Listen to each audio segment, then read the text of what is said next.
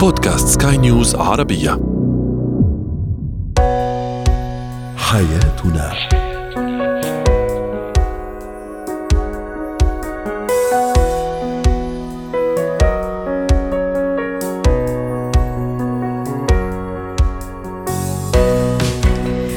مستمعينا الكرام أهلا بكم معنا إلى حياتنا. فضاؤكم اليومي الذي يعنى بشؤون الأسرة وباقي الشؤون الحياتية الأخرى والذي يمكنكم الاستماع اليه عبر منصة سكاي نيوز dot com slash podcast وباقي منصات سكاي نيوز العربية الأخرى.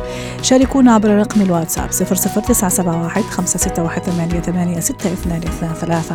معي أنا آمال شاب. اليوم نتحدث عن التأرجح ما بين الغياب والحضور ما بين الإهمال والاهتمام في العلاقة بين الشريكين. الأم كثيرة الغضب وكثيرة اللوم على أطفالها. كيف تؤثر على نفسيتهم؟ وأخيرا زميل العمل المزعج كيف نتعامل معه؟ هو وهي. يقال إن الاهتمام هو سيد البقاء. والغياب والإهمال هو بداية الرحيل. الحديث اليوم ليس عن الاهتمام المطلق ولا على الإهمال المطلق، هو التأرجح بين هذا وذاك، كيف يؤثر على العلاقة بين الزوجين بين الخطيبين أيضا.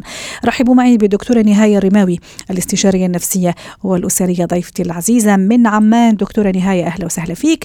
يقال الحاضرون هم أجمل الناس والآفلون أو المغادرون لا يعول عليهم. ماذا إذا كان الأمر بين الزوجين بين شريكين؟ أحيانا غايب أحيانا حاضر. كمان هي أحيانا حاضرة أحيانا غائبة. كيف يؤثر الأون والأوف على هذه العلاقة؟ مساء الخير أمان سهلا على المستمعين جميعا. آه طبعا إحنا بنعرف إنه الاهتمام والحضور والمشاركة هي من أسس العلاقات الزوجية لكن يحدث في بعض العلاقات خاصة إذا كانت في فترة من فترات معينة مثل الخطبة بداية الارتباط أو بداية التعرف أو أثناء الزواج. آه بصير في غياب لأحد الطرفين يعني بيكون آه الغياب إنه بيجي زي ما حكيتي انه اوف بيكون موجود فترة بيغيب فترة بيعبر عن مشاعره بيغدق المشاعر والاهتمام بفترة فترة ثانية بصير فيها ال extreme أو العكس تماما والهروب والغياب والبرود وكل ذلك. طبعا يعتمد إنه كيف بدنا نتعامل وكيف بدنا نحكم وكيف طبيعة هاي العلاقة. بيعتمد على حسب نوع الغياب وشكله حسب طبيعة وشخصية الطرفين وحسب طبيعة العلاقة أصلا. طب قبل قبل ما يعتمد قبل ما نعرف كيف نتعامل شو ممكن تكون الأسباب؟ هل أحد الطرفين غير واعي باحتياجات الطرف الآخر؟ مش مهتم ولا كمان ما عنده المسؤوليه المسؤوليه الكافية اللي تخليه يتحمل أو تخليها تتحمل تبعات وظروف هذا العلاقة لأنه العلاقة بين اثنين غير العلاقة لو غير لما الشخص يكون سنجل مثلا غير مرتبط. هلا قد يكون غياب عند الطرف يعني في له أكثر من سبب. يمكن إنه ممكن يكون سبب نفسي عند هذا الشخص. إنه هذا الشخص لاحظ إنه في العلاقة لما يكون موجود ويهتم بعد فترة بتصيبه ردة فعل. في أسباب نفسية متعلقة بهذا الشخص لها تفسير حسب هو كيف المعتقدات الموجودة عنده. ممكن يكون إنه هذا الشخص في العلاقة ندم عليها أو إنه مش حاببها ومش قادر ينسحب فبصير يغيب. أو مثلا إنه لا تكفي هذه العلاقة لإشباع رغباته واحتياجاته ومشاعره. ف... لا تكفي واحيانا قد يكون مكتفي. شو رأيك دكتورة؟ هلا قد يكون مكتفي لكن زي ما حكينا في أكثر من سبب. ممكن يكون مش قادر ياخذ قرار في إنه هاي العلاقة ما بده يكمل فيها. في كثير من الحالات بيجينا بقول لك إحنا صار في ارتباط لكن إحنا مش قادرين نقول لا. في ما قلت لك في أسباب قد تكون نفس نفسية قد تكون تعود إلى طبيعة الشخص وشخصيته. في ناس مثلا خاصة اللي بيدخلوا بعلاقات وبتزوج وبقول لك لا مش هذا الشخص اللي أنا بدي أرتبط فيه. فبصير يغيب أو مثلا بصير يتحجج بعمل أو بسفر أو ما إلى ذلك. أو إذا كان مثلا في فترة الخطبة إنه ينقطع عن الآخرين. ممكن واحد يكون عنده اضطراب بعض الاضطرابات مثلا إنه بانطواء يعني بيدخل بحالة نفسيه إنه بيدخل بال comfort zone تبع يعني عنده بطل يطلع منها بحب إنه يكون لحاله بعالمه الخاص ما بتواصل مع فعشان هيك في لها قد يكون لها أسباب نفسية واجتماعية. وحسب طبيعة الشخص وقد تكون العلاقة مفروضة على الشخص أو قد يكون الشخص غير متأكد من إنه جودة العلاقة زي ما حكيتي بالبداية إنه هل هي علاقة مناسبة أو لا. فبصير انه off طيب. ما بده ياخذ قرار لا ولا قرار إني أستمر. فبصير في أو, أو ممكن كمان دكتور نهاية هذا الشخص أو يعني هذا الرجل أو هذه السيدة متعودين فقط الأخذ مش متعود على العطاء أو مش متعودة هي على العطاء وبالتالي ممكن هون يعني يصير عنده أو عندها هذا المشكلة. طيب دكتورة هذا ال on وال off هذا الغياب والحضور هذا الاهتمام أحيانا والإهمال أحيانا أخرى شو ممكن يعمل في العلاقة بين الزوجين بين الشريكين بين الخطيبين بين المقبلين على الزواج إذا كان فعلا هذا المشكل بيناتهم؟ الغياب يعني إهمال والإهمال يؤدي إلى استنفاد الطاقة النفسية وزي ما حكيتي لا يعول عليهم المغادرون لأنه أنت ما بتعرف هو الحاضر الغائب ولا الغائب لسه الغائب الحاضر أحسن من الحاضر الغائب. أيوة. يعني أيوة. ودكتورة خليني كمان سامحيني عم تحكي نقطة كثير مهمة. الغياب مو شرط يعني جسدي قد يكون هذا الشخص زوجي زوجتي معايا أو تحت سقف الزوجية لكن هو حاضر جسديا أو هي حاضرة جسديا بس غايب أو غايبة. مهمل مهملة. قد يكون شكل الغياب هذا على شكل إهمال، عدم مم. مشاركة، عدم اهتمام، عدم تفاعل، آه، انطواء، ما عم بتشوفني بكون مثلا بمكان بس ما عم بتفاعل معك، كمان هذا شكل من أشكال الغياب، آه. الغياب لا يعني إنه الغياب جسديا، الغياب ذهنيا، الغياب بالتفاعل بالمشاعر، بالمشاركة، بالاهتمام، هو كلها هاي أشكال للغياب. وممكن يكون عم يمارس مانيبيوليشن يكون متلاعب أو تكون متلاعبة؟ قد يكون زي ما حكينا بيعتمد على طبيعه الشخصية. قد يكون متلاعب في الغياب مثلا في زي ما حكينا بده يحقق مكاسب بده آه. مثلا. بده يضغط وبدها تضغط. القيمة. آه فبده إنه يضغط إنه أنا غبت خليه يحس بقيمتي. لكن قد يؤدي ذلك إلى عواقب عكسية. يعني أنت غيابك رح يخلي إنه العلاقة تؤدي إلى الفتور. لا يعني صح. الغياب إنه رح تشتاق لي رح يصير في غموض. صح. خاصه إذا كان الطرف الآخر يعني فاهم اللعبة وعارف إنه هذا متلاعب أو هذه متلاعبة عم يمارس هذه manipulation أو, أو أو كمان أمال شغلة إنه يكون هذا الشخص عارف إنه الشخص الثاني متعلق فيه مم. والتعلق المرضي خاصة بصير هو يستغل بصير عندنا الابتزاز العاطفي إنه أنا صح. بغيب عشان يضل هو يتوسل ويبكي و... أيوة. آه ويرضخ ويرضخ بين قوسين ويرضخ وخاصة زي ما حكى بعض الاضطرابات النفسية إذا كانت عند بعض الأشخاص هو يتلذذ إذا كان آه. نرجسي إنه الشخص الثاني إنه بده ياني عم بشعر بالحزن بالضعف بالانكسار بالبكاء في حالة الغياب فأنا يغذي هذا الشعور خاصة زي ما حكينا هاي لها أسباب نفسية ما بدنا نعممها لأنه قد تكون حالات خاصة. طب ومن دون شك دكتورة نهاية أكيد هذا ال on وال off يؤثر من دون شك موجع محزن مزعج آه، من دون شك. طيب كيف التصرف؟ كيف التعامل إذا آه، في فعلا هذا المشكلة غياب وحضور إهمال واهتمام على فترات؟ اون واوف بين فترة وأخرى. تمام إحنا حكينا إنه آه، بدك بدنا نفهم شو سبب الغياب يعني مش كثر عن السبب يعني ما بدنا ناخذها بحكم آه يكون من عندنا تفسير إحنا يعني نفسر من عندنا من ذواتنا انه لإنه هيك. نحاول إنه أسأل عن سبب الغياب. إذا كان السبب مقنع مرات ممكن نتقبل مرات في ناس بحبوا ياخذوا آه خاصة إنه طبيعة الرجل مثلا لما يدخل في حالة ضغط نفسي بحب يدخل على الكهف. صح. اللي, هو المكان اللي بحب إنه ينزوي فيه يبتعد ما بحب مش إنه متقصد إنه يأذي الشريك أو الشريكة أو الرجل خاصة. طب إيش الحل إذا طالت الفترة يا يا دكتورة نهاية؟ اذا طالت الفترة طبعا مش مستعد البني آدم إنه يضل يتحمل يعني مشاكل مم. الشخص الآخر بده يتفاعل وما بدنا نخليه إحنا بنقدر إنه نغير بعض السلوك عند الآخرين لما يتفهم إنه ممكن بني آدم يخسر ممكن تخسر مشاعري اهتمامي آه إنه أنا أتعود على غيابك تصير تبطل مهم آه عم تحكي نقطة كثير كثير مهمة خطير جدا أنه الطرف يتعود على غياب الطرف الآخر. يعني هذه يعني نهاية فعلية وحقيقية لأي علاقة دكتورة؟ طبعا مشان هيك لازم مم. يشعر بالخطر. حتى إنه يدرك إنه السلوك اللي بيعمله في له نتائج أو عواقب غير مريحة. فبضطر الإنسان متى يتغير؟ أنا دائما بقول في الحالات اللي بتيجي عندي ما في إنسان بده يغير بالأمور اللي قد تكون مزعجة أو مؤذية للطرف الآخر إلا إذا حس بالخسارة. إذا ضل ماخذ من الشخص الآخر مضمون for granted بضل ماشي بالسلوك. فأنت أول شيء بدك تناقشي أو بدك تناقشها وتشوف إنه هذا له عواقب وخيمه وإنه أنت مش رح تستمر بإنك تكون متاح دائما. دائما وموافق دائما وأنت بتغيب وبترجع لي وأنا موجود أو أنا موجودة. صح. فهاي الأمور لا ممكن تتأثر. فهو بده يدرك النتائج.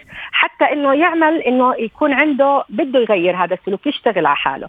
ما بدك يعني بدنا زي ما حكينا إذا في البداية بنفهم السبب نمنحه بعض الوقت. إذا حسينا فيها مبالغة بنقول له هذا قد يؤثر وله عواقب قد لا تكون جيدة على طبيعة العلاقة بيننا.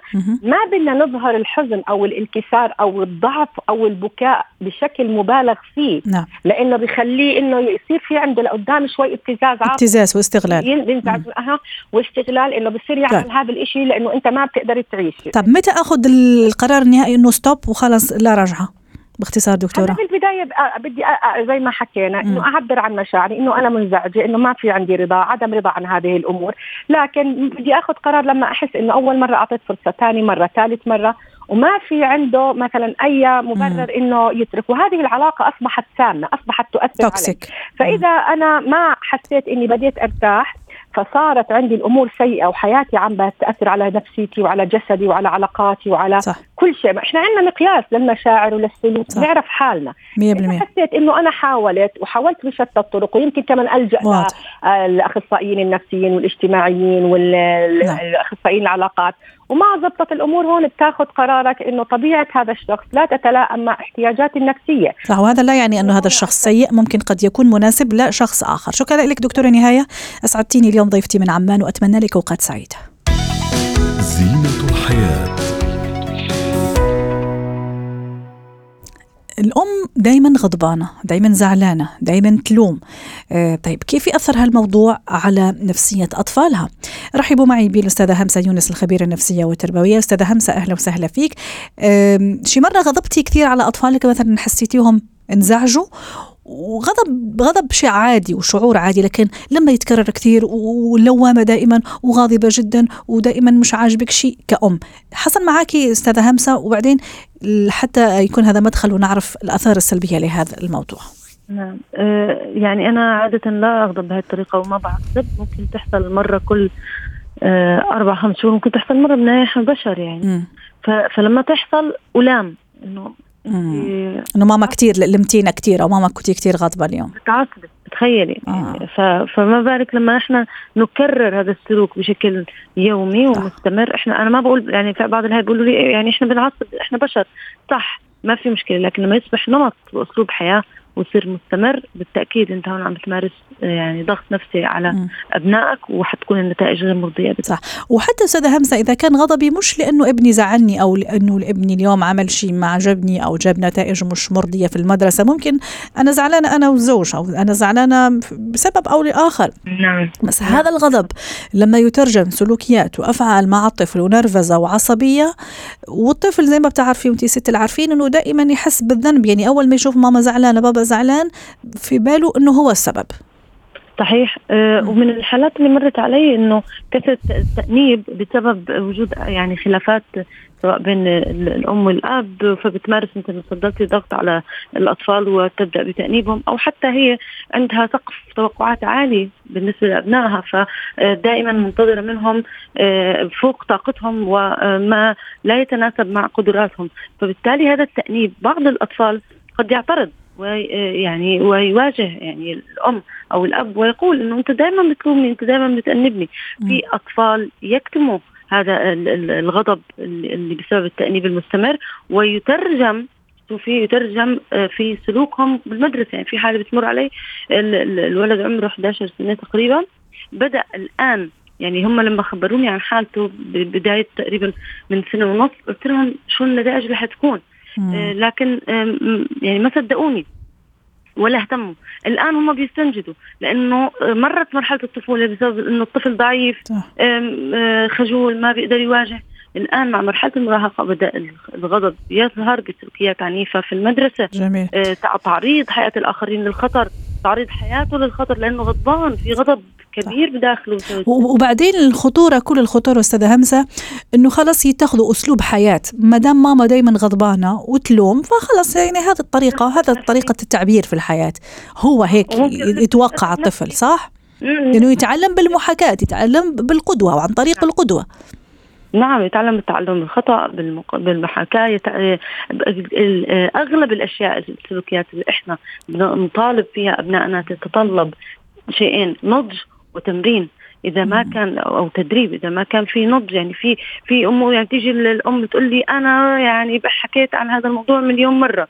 وصار لي شهور أنا بحكي فيه. نعم بعض الأطفال تحتاج إلى وقت يعني أطول من غيرها في إنها تستوعب تتدرب تبدأ تنفذ. صح. لا وكمان يعني يعني الفكرة اللي كنا يعني اللي حابين نناقشوها كمان مع حضرتك اليوم أستاذة همسة إنه مش لأنه سبب سبب غضبي هو الطفل لا.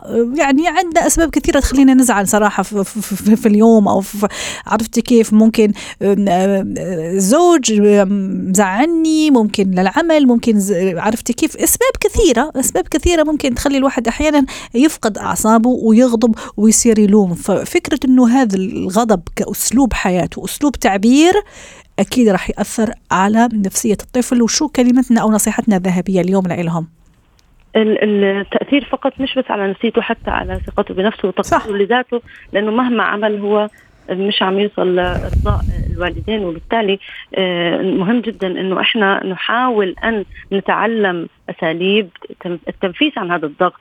في ضغوطات في الحياة نحن نتعلم مهارات التنفيس عن هذا الضغط كيف ننفسها بعيدا عن إيذاء أبنائنا. وأيضا آه، مهم جدا يوجد حوار يعني أنا لما أكون أم أو أب عم بنفس عن غضبي من خلال آه، تأنيب أبنائي أبحث عن مساعدة أو شريك الحياة. إذا شاف الشريك الثاني عم يمارس هذا الأسلوب لازم يعمل stop لازم يكلمه. في أنا بمر عليه حالات ال ال الأب ما بيتجرأ يكلم الأم لأنه إذا كلمها صح.